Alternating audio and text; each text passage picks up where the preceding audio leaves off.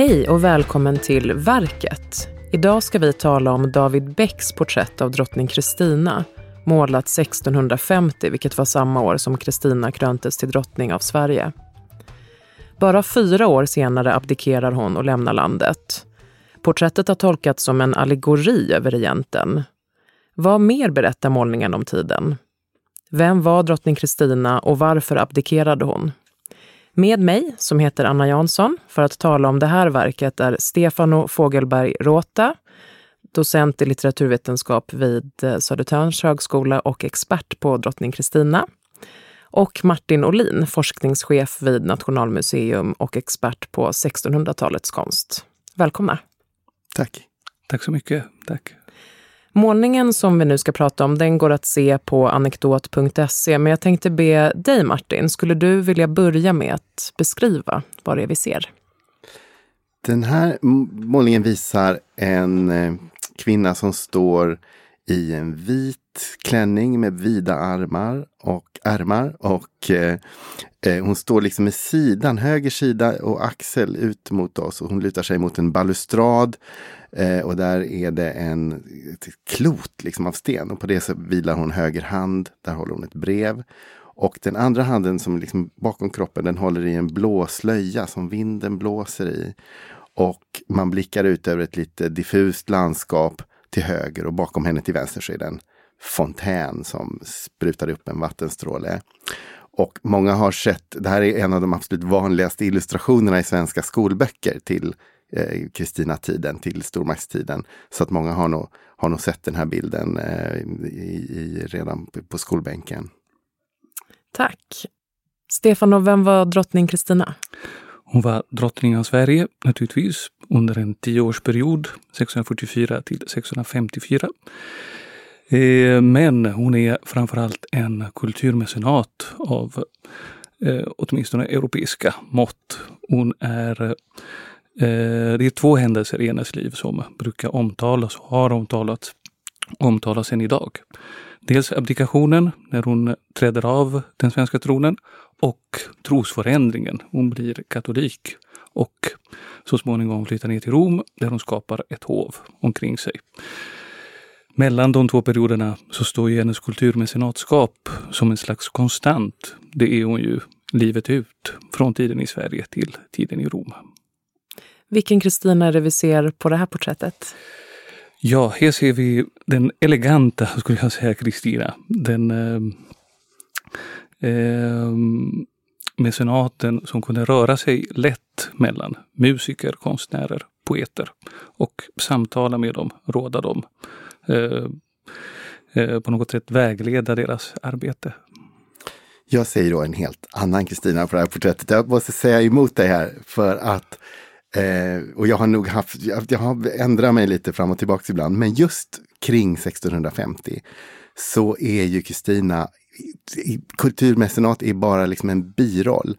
Hon är ju ledare för en av Europas mäktigaste nationer, som just har vunnit världskriget, alltså 30-åriga kriget, tillsammans med Frankrike och ser sig själv och är sedd av andra som en av de absolut viktigaste politiska storspelarna i världen och lägger sig i eh, internationella affärer överallt och sitter själv och håller liksom utrikespolitiken och skickar brev varenda, eh, varenda dag så att säga till sina ambassadörer och till, till andra eh, härskare ute i världen. För att styra upp Europa. Hon såg det som sitt jobb helt enkelt vid den här tiden.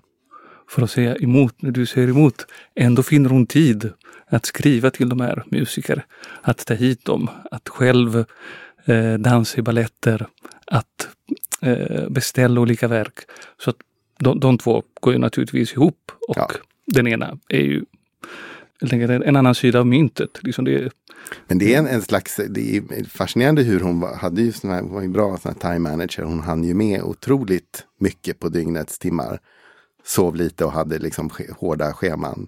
Ni har pratat nu om personen på porträttet och eh, berört lite konstscenen och hennes mecenatskap som vi ska återkomma till. Men Martin, finns, vad finns det för konstvetenskapliga tolkningar av det här porträttet? Ja, det här är, eh, det, det finns en mycket utförlig konstvetenskaplig tolkning av det här okay. porträttet. Och eh, det är en eh, text av en konsthistoriker som heter Karl-Erik Steneberg. Och han hade hållit på med Kristina eh, Tidens porträtt eh, från 30-talet tror jag. Eh, och då så behandlade han dem mycket mer som en slags liksom, stilistiska eh, exem exempel på tidens stil och på konstnärers ideal och hur, hur man kunde se så att säga, den stilistiska utvecklingen. Men, Förlåt, vad menar du med det? Menar du att, att det är exempel på barockkonst eller? Ja, lite, eller jag menar, eh, alltså att han, han, var med, han var intresserad av hur de såg ut. Och inte vad de kunde ha för annan innebörd. Okay. Eh, men några år in på 50-talet så kom det en bok som var en av de, eh, liksom en banbrytande konsthistorisk bok som hette Early Netherlandish Painting av en forskare som hette Erwin Panofsky. Som hade lanserat, kan man säga tillsammans med andra, en slags eh, tolkning av senmedeltida och renässansmåleri som lyfte fram de bortglömda symbolerna i form av, det kunde vara religiösa symboler, men var ofta just vardagliga föremål som blommor och tända ljus och eh, möbler och föremål som, mm. som, i de nederländska målningarna betydde någonting helt annat. Som kunde vara så att säga tillsammans läsas som en världsbild. Och jag tror att Steneberg, han skriver inte väldigt utförligt om det här, men jag tror att han blev väldigt påverkad av den här boken. För den har ett kapitel som heter ungefär så här under liksom symbolerna under verkligheten. Och i Stenebergs bok om Kristina-tidens porträttmåleri, som var hans doktorsavhandling från 1955, så finns det ett kapitel som heter David Beck och de allegoriska porträtten. Och där gör han den, så att säga, kanske mest avancerade såna här ikonografiska, som man kallar det då, sån här symboltolkning av ett svenskt konstverk dittills eh, som, som någon dittills hade gjort. Och det, det, är det här porträttet? Och det är det här porträttet som är så att säga huvudrollsinnehavaren i det där kapitlet. Och hur tolkar han, han det då? Ja, han börjar med att beskriva porträttet naturligtvis och se vad det har för olika element och konstaterar ganska snabbt att det som är tydligt är att, att, de, att elementen har någonting med detta att göra. För här finns vattnet, i form av fontänen bakom till vänster. Luften som är den naturkraft som blåser i slöjan som drottningen ganska här, demonstrativt håller över mm. axeln så att den liksom får tag i den. Och eh, jorden finns med i form av det här runda klotet som drottningen håller eh, handen på. Då. Var är elden då? Ja, var är elden? Det är frågan. Steneberg skulle nog svara i och med att den inte finns så får den ännu större betydelse, men den finns naturligtvis i form av Kristina själv i etern. Uh, han pratar ju om uh, hur det är inte vilken eld som helst den Kristina uh, representerar. Det är ju självaste kunskapens sapientia. den elden, den hetluften. Visst är det hetluften Martin som Steneberg pratar om. Alltså den eten, den absolut högsta sfären där de här eh, invigda andarna befinner sig. Ja, alltså han kommer ganska snabbt fram till just att, det, att elden inte är med så att säga. Men det han gör är att han hittar i, i Stjärnhjelm, Georg Stjärnhjelm, alltså den barockpoeten som är mm. hovpoet och språkforskare och filosof vid drottningens hov. Då. Um, han, han hittar en slags naturfilosofi som, som Stjärnhjelm ägnar sig åt de här åren.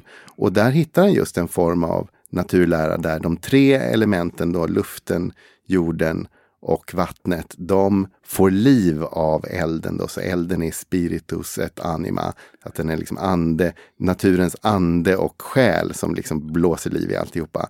Och det är då Kristina som är det. De får liv och förfinas utav den här elden. Alltså att Kristina, om vi nu går på Stenebergs tolkning, på något sätt förfinar. Hon rör vid klotet. Hon rör vid elden med sin hand. Och hon på något sätt lägger sin hand på de här elementen gör dem mer fullkomliga. Det finns en ny platonsk tanke bakom allt det här som Stjärnhielm står för. Tillika också ballettförfattare var han ju just vid den här tiden mm. när Kristina själv framträdde i de här balletterna och exemplifierade olika politiska beslut. Eh, så politiker, ja, det har du faktiskt rätt i Martin. Hon är politiker också. Och också en klok politiker och det som kommer fram som det som man ska vara alltid när man är så här, hör till den här ikonografiska tolkningsskolan då, så ska man titta på blommorna. Och hon har ju blommor i håret, vita och röda blommor. Och det här är de vita är lätt att identifiera, det är apelsinblommor. Och eh, de kan betyda lite olika saker. Om man, de, ibland så är de som en jungfrusymbol ju, för att apelsinen bär frukt och blommar samtidigt. Så att det kunde vara en, en symbol för jungfru Maria då som mm. bar eh, födde Jesusbarnet så att säga samtidigt som hon var jungfrulig. Eh, men det är också så att apelsinerna identifierades med de här Hesperidernas gyllene äpplen. Och som Herkules hämtade. Och det fanns en idé eh, lite i svang att det där låg i eh, Hyperborenas land, alltså uppe i Norden. Och eh, möjligen antyder Steneberg här att det finns någon slags lite lokal eh, tolkning då, att det är så att säga Nordens roll som visdomens ursprung eller så. Som kommer in här. Och det intressanta är att det, i den här målningen är nog lite nerskuren och att den har varit större. Och på en kopia som finns i Helsingfors så är det en apelsin som vilar eh, på vattenstrålen på fontänen. Ganska konstigt, men den hålls uppe liksom av sprutet från fontänen så vilar det ett gyllene mm. äpple, en apelsin. Eh, så att apelsinerna är liksom en tolkningstråd där. Men och, klart är att det i det här fallet verkar ha liksom en slags vishetssymbol. Men så har den också en röd blomma och det där är nerium eller oleander som om man har varit i Rom så är det den här träden som blommar som står liksom längs motorvägarna som är röda, orangea, gula ibland. Då. Som är en sån här konstig blomma som gillar avgaser. Men ganska vacker, blommar liksom massvis med, med oleander. Och den är eh, hittar han då, man, man går och läser då i så att säga vad Plinius säger och vad renässansforskarna säger. Då. Och att nerium är giftig. Så att den är en slags dålig blomma på ett sätt för boskap som äter den, de blir sjuka. Men man kan också ta blad och göra ett Eh, eh, botemedel mot ormbett. Så att den är också bra. Så att den är någonting som är både, både bra och dålig samtidigt. Och det där är någonting då som, som jag tycker det passar in lite på Kristina det här att hon, hon menar att hon är så bra så att hon kan så att säga tämja någonting ont och använda det så att säga selektivt så att det blir liksom en, ett effektivt verkningsmedel. Och att det är hennes vishet som liksom manifesteras så. Men hur de här blommorna, det, har Kristina själv eh, så att säga bett om att bli skildrad med dem tror du? Alltså det är svårt att veta. Jag tror att det i det här fallet så tror jag att konstnären David Beck och mm. Stjärnhjälm som Stenberg är övertygad om att han är inblandad i det här. Och kanske Kristina själv har diskuterat det här urvalet. Inte bara att, kanske, alldeles ja, säkert. Du är säker på det? Ja, det, kan, det kan och utarbetade de här programmen för balletterna. Där fick ju Stjärnhjelm ta del av, eh, inte riktigt hennes ord, det är inte så det funkade föreställer man sig, men hennes input kanske vi säger idag. Men det är ett samtal de, de tre emellan eh, helt enkelt. Men hon har ju en ganska stor plats där helt enkelt att utarbeta. Kanske inte in i detalj, men eh, ser man motsvarigheten hos balletterna som också skrivs, de svenska eh, versionen utav av Stjärnhjälm, där Kristina själv dansar, där kanske den allmänna idén kommer ju från Kristina, så kan hon bestämma ganska direkt att den eh, karaktären ska ha en silverrustning eller den karaktären ska ha en gyllene rustning. Så det, det, är troligt att hon hade med ett mm. finger i spelet så att säga. Och det finns ju en, alltså det man, om man ska sammanfatta det lite grann så är det så då, okej, okay, hon är inte bara elden här utan hon är också vishetens princip. Och den här vishetsprincipen genomsyrar då hela naturen och naturen är ju då Sveriges rike. Och i bakgrunden så är det också lite sådana här natur, eh, bilder av naturen. Det finns en, en profil som ser lite märklig ut men den är i själva verket en, en sån här härmfigur som är tagen från en, en målning som fanns i Stockholm då. Eh, som föreställer Pan, alltså naturguden Pan. Och det växer murgröna och det är liksom en slags lite så här oregerlig naturprincip. Men med drottningens anima, med drottningens liksom vishet som genomsyrar det här så styrs naturen upp då och blir någonting liksom vettigt. Och där har vi ytterligare en bra parallell till de här samtida balletterna. För det är precis det som händer där också. att Det kommer en oro, en disharmoni som på något sätt drottningens inflytande, ingripande i naturen, i eh, riket eh, ställer till rätta med och ordning, harmoni skapas och en period av välstånd, en gyllene ålder eh, inträffar under hennes regering. Och jag tror också man kan, alltså man kan väl tänka att det här också är ett slags för, försvar för monarkin. För det här var ju just 1649 så avrättar ju engelsmännen sin kung, eh, Karl den förste eh, efter långa stridigheter. Och eh, i Frankrike så är det inbördeskrig på gång mot kungamakten då aristokraterna försöker ta över. Och att den här, kan man säga, kanske liksom liten en programmålning där man säger att den, den visa monarken är den som håller riket i balans. Eh, och utan en sann enande princip så, så faller allting. För visst är det här porträttet målat samma år som hennes kröning? Hör det ihop på något sätt? Vi får ju tänka oss att eh, det var en kröning som var väldigt senare lagd. Varför det? Eh, först på grund av kriget. Sverige mm. var ju i krig fram till 1648, eller 49 egentligen. Eh, men sen också att man ville ju få den här eh, evenemanget att vara så ståtlig och så viktig som möjligt. Eh, det är troligt också, det är många som har andra Kristina-forskare eh, skrivit och tänkt och funderat mycket över att eh, när hon kröns så är hon kanske redan på väg härifrån. Det vill säga att hon har redan möjligen bestämt sig för att lämna landet. Men kröningen är så viktig för att det är då hon befäster sin roll som styrande drottning. Inte en drottning som är drottning på grund av någon annan än eh, make eller eh, men att hon är i sin egen person. Så därför är det så viktigt. Och hon vill ha utländska gäster till den här kröningen. Och därför måste det ske i Stockholm där det finns mer plats än vad var det, van, det, det, van, det sedvanliga hade varit Uppsala. Mm, det tar man ju vid tiden efteråt som en, ett dåligt omen. Det kanske var därför det gick som det gick, att hon abdikerade. Att man frångick traditionen och eh, protokollet så att säga. För hon var ju mån om att ha den där statusen som så att säga krönt regerande drottning även efter sin abdikation. Och då gällde det ju så att säga ha alla, form alla formella bevis på plats. Så att säga. För det var ju, det, det var ju det hennes kapital sen egentligen när hon under resten av livet, att hon hade sin rang. Det finns en sak som man kan få associera till kröningen i porträttet och det är den här vita klänningen. Mm. Och den som kan man notera då är inte, det är ju, den har ju visserligen har snittet kanske av en modedräkt. Men den ser ju inte ut som så att säga modedräkten vid omkring 1650. Den har inte en massa spetsar, den har inte en massa uppslitsningar och dekoration utan en helt enkel vit dräkt av eh, äh, atlassiden. Och det här sidenet noterar Steneberg, det kan man se att det har funnits. Det är utkvitterat ur, ur eh, eh, husgerådskammaren så att säga för att tillverka en klänning. Men förmodligen inte en kröningsklänning utan en klänning just bara för det här porträttet. Och det märkliga är att hon står också i en vit klänning när hon abdikerar i Uppsala.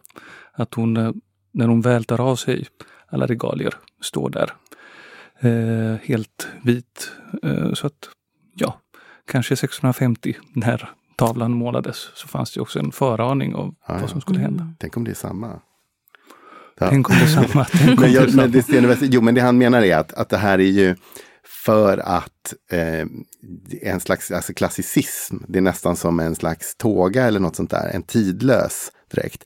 För vi vet ju alla att det kan vara lite genant att framställa sig Alltså det kan se bra ut i stunden och bli avfotograferad i sina nya modeglasögon eller något sånt där. Men 15 år senare så ser det jättefånigt ut. och att det var en sån, i, i, alltså man, porträttmålarna förstod det och det finns ju också råd i porträttlitteraturen från 1500-1600-talet mm. att man ska undvika liksom, extrema modedräkter för de blir daterade ganska snart.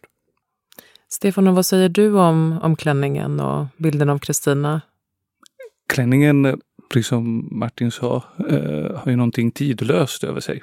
Men den utgör en ganska stark kontrast med hennes ansikte. För där ser vi verkligen, och Steneberg är inne på det, att den är realistisk.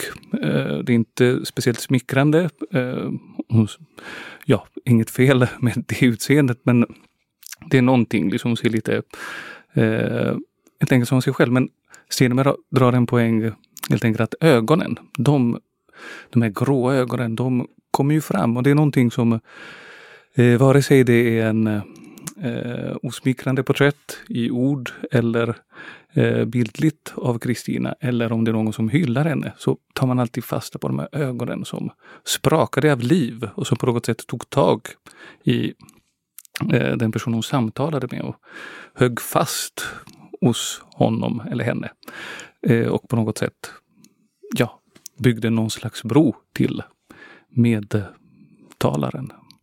Tror du att det är en realistisk bild av henne? Eh, ja, det känns så faktiskt. Steneberg är övertygande och det känns som eh, mer Becks än den andra stora och kända porträttet från den här tiden är Sebastian Bourdon, fransmannen. Där får man ju väl erkänna, även som Kristina Frälst, att hon ser lite eh, väl idealiserat. Här är det nog lite mer Kristina, kan man tänka sig, som hon såg ut. Tror ni att de här porträtten som finns av Kristina, som ni säger hon i viss mån också är med och bestämmer om hur de ska se ut, att de har påverkat vår bild av henne? Ja, det tror jag. Eh, båda de här porträtterna som Bourdons och Becks eh, andas någonting elegant, någonting eh, hade man använt den tidens språkbruk hade vi kanske sagt galant.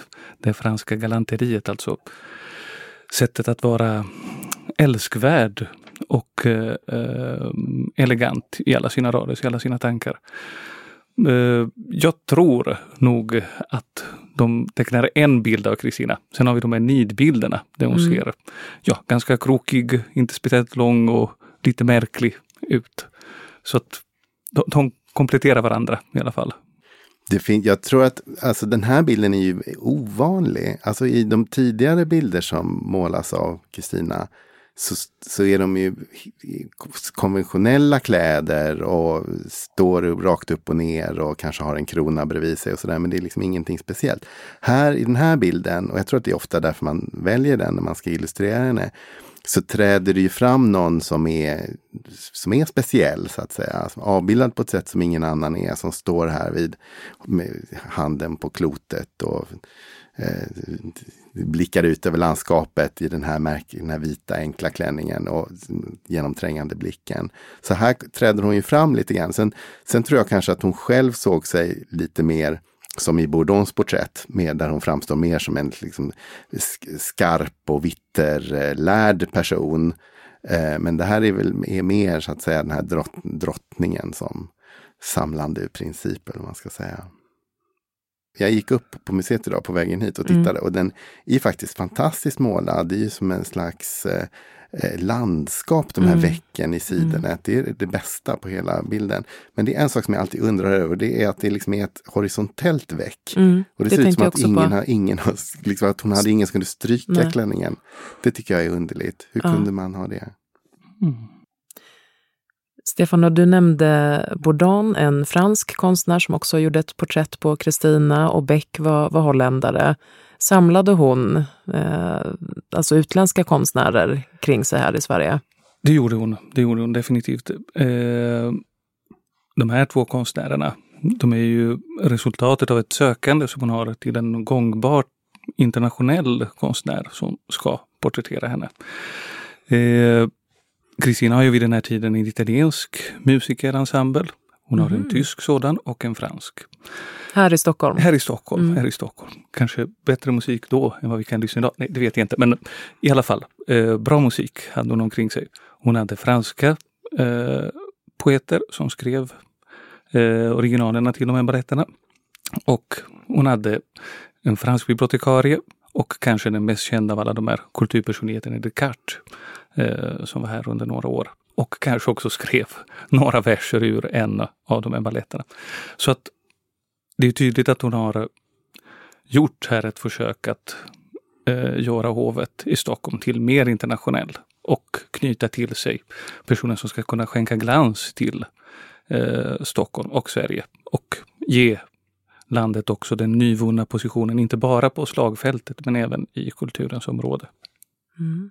Men de här alltså porträttmålarna hade ju en speciell roll också för att de tjänade ju också som någon slags ska man säga, diplomatiska kanaler.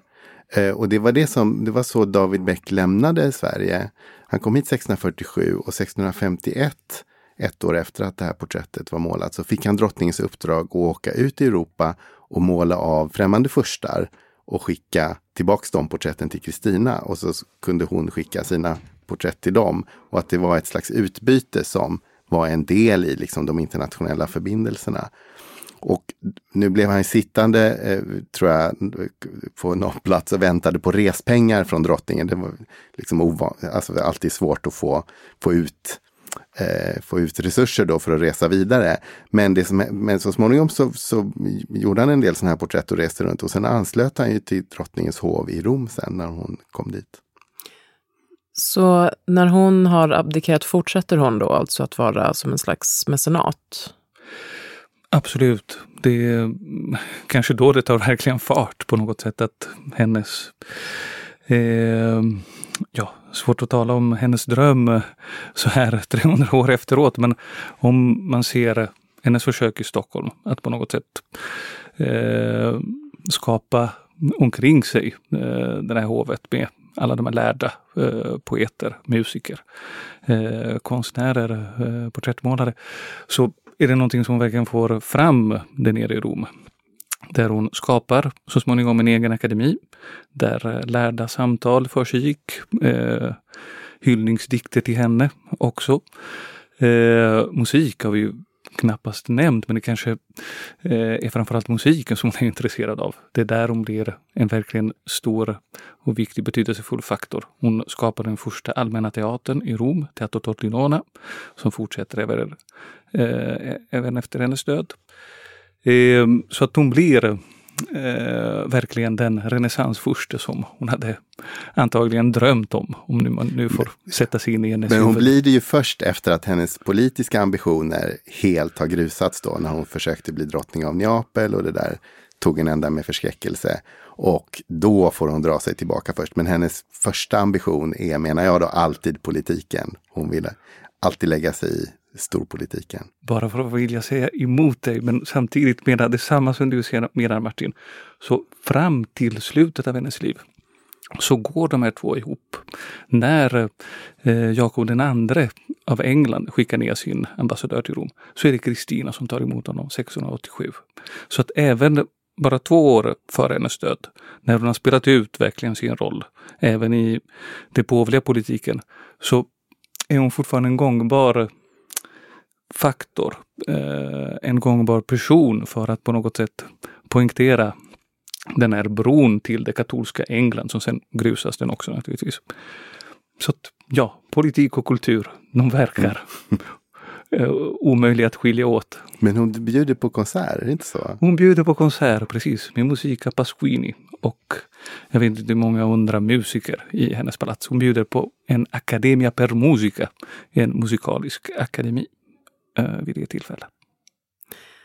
Eh, du nämnde tidigare, Stefan, att det är svårt att sätta sig in i vad, vad hon drömde. Men, och det är förstås en, en, en, svår fråga. Men varför tror ni att hon konverterade till katolicism? Ja, det är alltid en viktig fråga när det gäller Kristina. Men en sak som jag kommit att tänka på efter några år i Kristinas sällskap, att när man gör ett, något så stort så har man ju sällan bara ett skäl. Det måste finnas åtminstone tre, fyra. Och eh, ja, hon, eh, spela, hon eh, agerar som en ansvarsfull monark i att hon lämnar över till någon som kan säkra successionen. Hon är ju också troligen redan på väg att bli katolik, så då var det ju faktiskt eh, viktigt att hon lämnade makten. Men också kanske kulturintresset, om man nu inte ska betona den alltför mycket, men den, den finns där också. Jag tror, jag tror hon tyckte att de svenska lutheranerna var jättetråkiga jämfört med de roliga katoliker som hon hade träffat som ju var de här liksom franska lärde och sådär som kom till Stockholm. Sen blev hon, jag tror hon blev lite chockad när hon kom till Rom och träffade fromma katoliker som tyckte att hon skulle lite nästan dra sig tillbaka i och sitta i kloster och sådär. Det hade hon nog inte alls planerat att göra. Och det gjorde hon inte heller? Nej, det gjorde hon inte heller. Men jag tror också att det var ju också att hon, ja, som du säger, det ena gav det andra på något vis. Att om hon ville lämna Sverige så var det eh, nog att bli katolik var också ett sätt att göra det brottet mer eh, så att säga komplett. Vad tyckte Kristina själv om för sorts konst som hon liksom samlade på och beundrade? Så hon hade ju blivit uppfostrad i en form av eh, hyllning av, av antiken.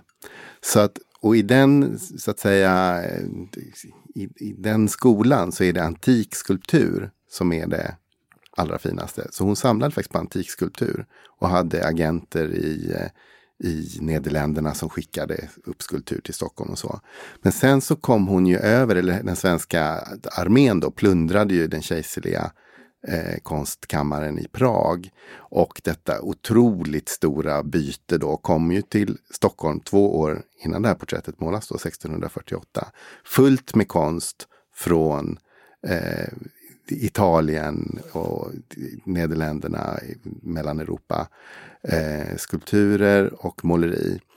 Och då är hon så inne i den här så att säga klassiska kanon att hon skriver då till en italiensk eh, breven som hon har och förklarar att ja, jag har nu här hela kejsarens stora kabinett som är mitt här. Det är jättemycket tavlor. Men jag bryr mig bara om Rafael. Här finns tavlor av Dürer och annat. Och så Men de bryr jag mig inte om. Jag tycker bara Rafael är bra. Som ju var så att säga, så att säga den som måleriets motsvarighet till de här klassiska skulpturerna. Och hon trodde att hon hade då ett antal Rafael-målningar, men jag tror inte egentligen att det var så många som var som idag accepterade. Men de tog hon med sig till Italien. Medan en, en berömda Adam och Eva av Dürer, fantastiska målningar, de skickade hon till kungen av Spanien som present. De kunde hon vara utan tyckte hon. Så att hon hade en, jag vill hävda lite konventionell smak som snarast egentligen kom från en slags litterära studier än en egentlig eh, utbildad konstsmak. Sen tror jag att när hon kom till Rom så tror jag att det där ändrades. För då kunde hon se vad andra hade. Hon kunde få liksom mer sammanhang. Samma brev frågar hon den här hertigen av om tips. Hon eh, gör sig ganska ödmjuk och frågar om tips om vilka är de författare som läses mest i Rom. Vilka är de musiker som röner störst framgång? Så att i ett och samma brev så får hon faktiskt fram alla sina intressen. Musiken, litteraturen, konsten. Och hon har ju läst på rätt bra för att hon eh, kan eh, redan så här tidigt, några år före abdikationen, hävda att en författare hyllas av alla. Men jag tycker att han är ganska anspråkslös. Om man har läst alla klassikerna från eh, eh 1300-talet, Dante, Petrarca, Boccaccio som jag har gjort. Så att eh, hon visar en viss ödmjukhet men samtidigt har ganska klara åsikter. I alla fall när det gäller litteratur om vad hon prisar. Martin, vilken publik hade det här porträttet tror du? Ja, jag tror att det här originalet så att säga tror jag hamnade i på slottet i Stockholm som en slags, eh, kanske hängde det bredvid ett porträtt av hennes pappa Gustav II Adolf. Eh, att hon hamnade så att säga i en slags serie av svenska kungar. Eh, dit hon ju hörde naturligt. Men sen gjordes det ju av alla sådana här hovporträtt så gjorde man ju kopior. Och de var ju de som man sände iväg som skulle bli då så att säga eh, representera så att säga Sverige och sen fanns det en stor nyfikenhet på Kristina såklart, som ju var så berömd. Eh, och eh, alla kunde ju inte få målade kopior, men då gjorde man ju kopparstick. Och de här David Becks porträtt lite enklare så att säga eh, finns ju i oändligt många kopparstick som, som, som, skickades ut över världen och fick franska inskriptioner och man gjorde kopior av dem och sådär. Så att det är en slags ren så att säga för att ge de nyfikna ute i världen också kännedom om hur hon såg ut. Kristina var mecenat, men hon var också, verkade som, i det här porträttet och balletterna som du har nämnt, Stefan, och väldigt involverad i den konstnärliga verksamheten, inte bara som beställare så att säga. Finns det fler exempel på det? Det gör det, absolut. Eh, vi kan nog säga att Kristina spränger det som vi idag förknippar med ordet mecenat. Hon är en otroligt aktiv mecenat. Hon är nästan där och fattar pennan själv. Eh, sent i livet eh, eh, på 1680-talet så skriver hon tillsammans med poeten Alessandro Guidi nere i Rom ett hederdrama. Eh, där man har länge trott att man skulle kunna urskilja hennes egna verser. Eh, I själva verket så var det troligen så att de två satt och skrev bredvid varandra. Kristina hade en idé om hur det skulle vara. Det skulle handla om Diana och Endymion och det var en äldre Diana som hade träffats av kärlekens pilar på äldre dagar. Som på något sätt faktiskt, eh, om vi eh, ser hennes nära eh, vänskap med Cardinal Azzolino kan faktiskt påminna om eh, känslorna de hade för varandra. Den är väldigt nära vänskapen. Men eh, hon eh, tycker också till när musiker ska sätta musik till ett eh, eh, verk som hon har ju skrivit som någon slags eh, libretto eller i alla fall, eh, ja, eh, idag skulle jag nog kanske säga ett, ett abstract. Jag tänker att det ska handla om La Forza delle Stelle, stjärnornas makt. Och så låter hon Alessandro Stradella skriva, eh, skapa musiken till det. Så en eh, mecenat som är lite mer än en mecenat, som fattar peddan, som eh, skuffar undan sina poeter och vill gärna skriva själv eller be dem eh, skriva efter hennes planer. Och det här var inte det vanliga sättet att vara mecenat på 1600-talet, eller? Ja, mecenat som blandade sig i mm, har vi nog ganska många, det tror jag. Men kanske hade hon lite mer tid när det politiska hade mm, kommit lite i skymundan. Men ehm, ja, det är svårt. Du pratar med en frälst, en Kristina Frälst. Men å andra sidan, hon ehm, är så engagerad. Så att, ja, jag vill nog gärna se att hon är kanske lite mer engagerad än andra. Avslutningsvis, vad, vad, vad, tycker ni om den här målningen? Är, den, är det ett bra verk? Jag skulle nog välja Bourdons porträtt, Sebastian Bourdons porträtt, före den här. Men eh, som sagt, desto mer man vet om den eh, så växer den och eh, man förstår den bättre, helt enkelt. Ja, jag tycker att det är, det är en bra bildidé, men jag tycker inte riktigt han har gjort jobbet. Jag tycker att han skulle ha förskönat henne lite mer. Det här är en 24-årig drottning som alla andra porträttkonstnärer har ju alltid förskönat, så att säga, eh, unga drottningar. Jag förstår inte varför han behövde vara så, så realistisk här. Men ögonen finns ju där. Jo, men de är ju, det är ju överdrivet. Jag tycker Bourdon löste det där bättre. Ja, då är vi överens. Äntligen.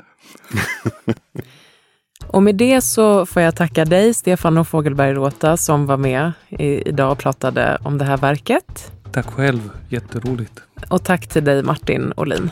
Tack. Och tack till alla som har lyssnat. Vi är snart tillbaka med ett nytt avsnitt av Verket.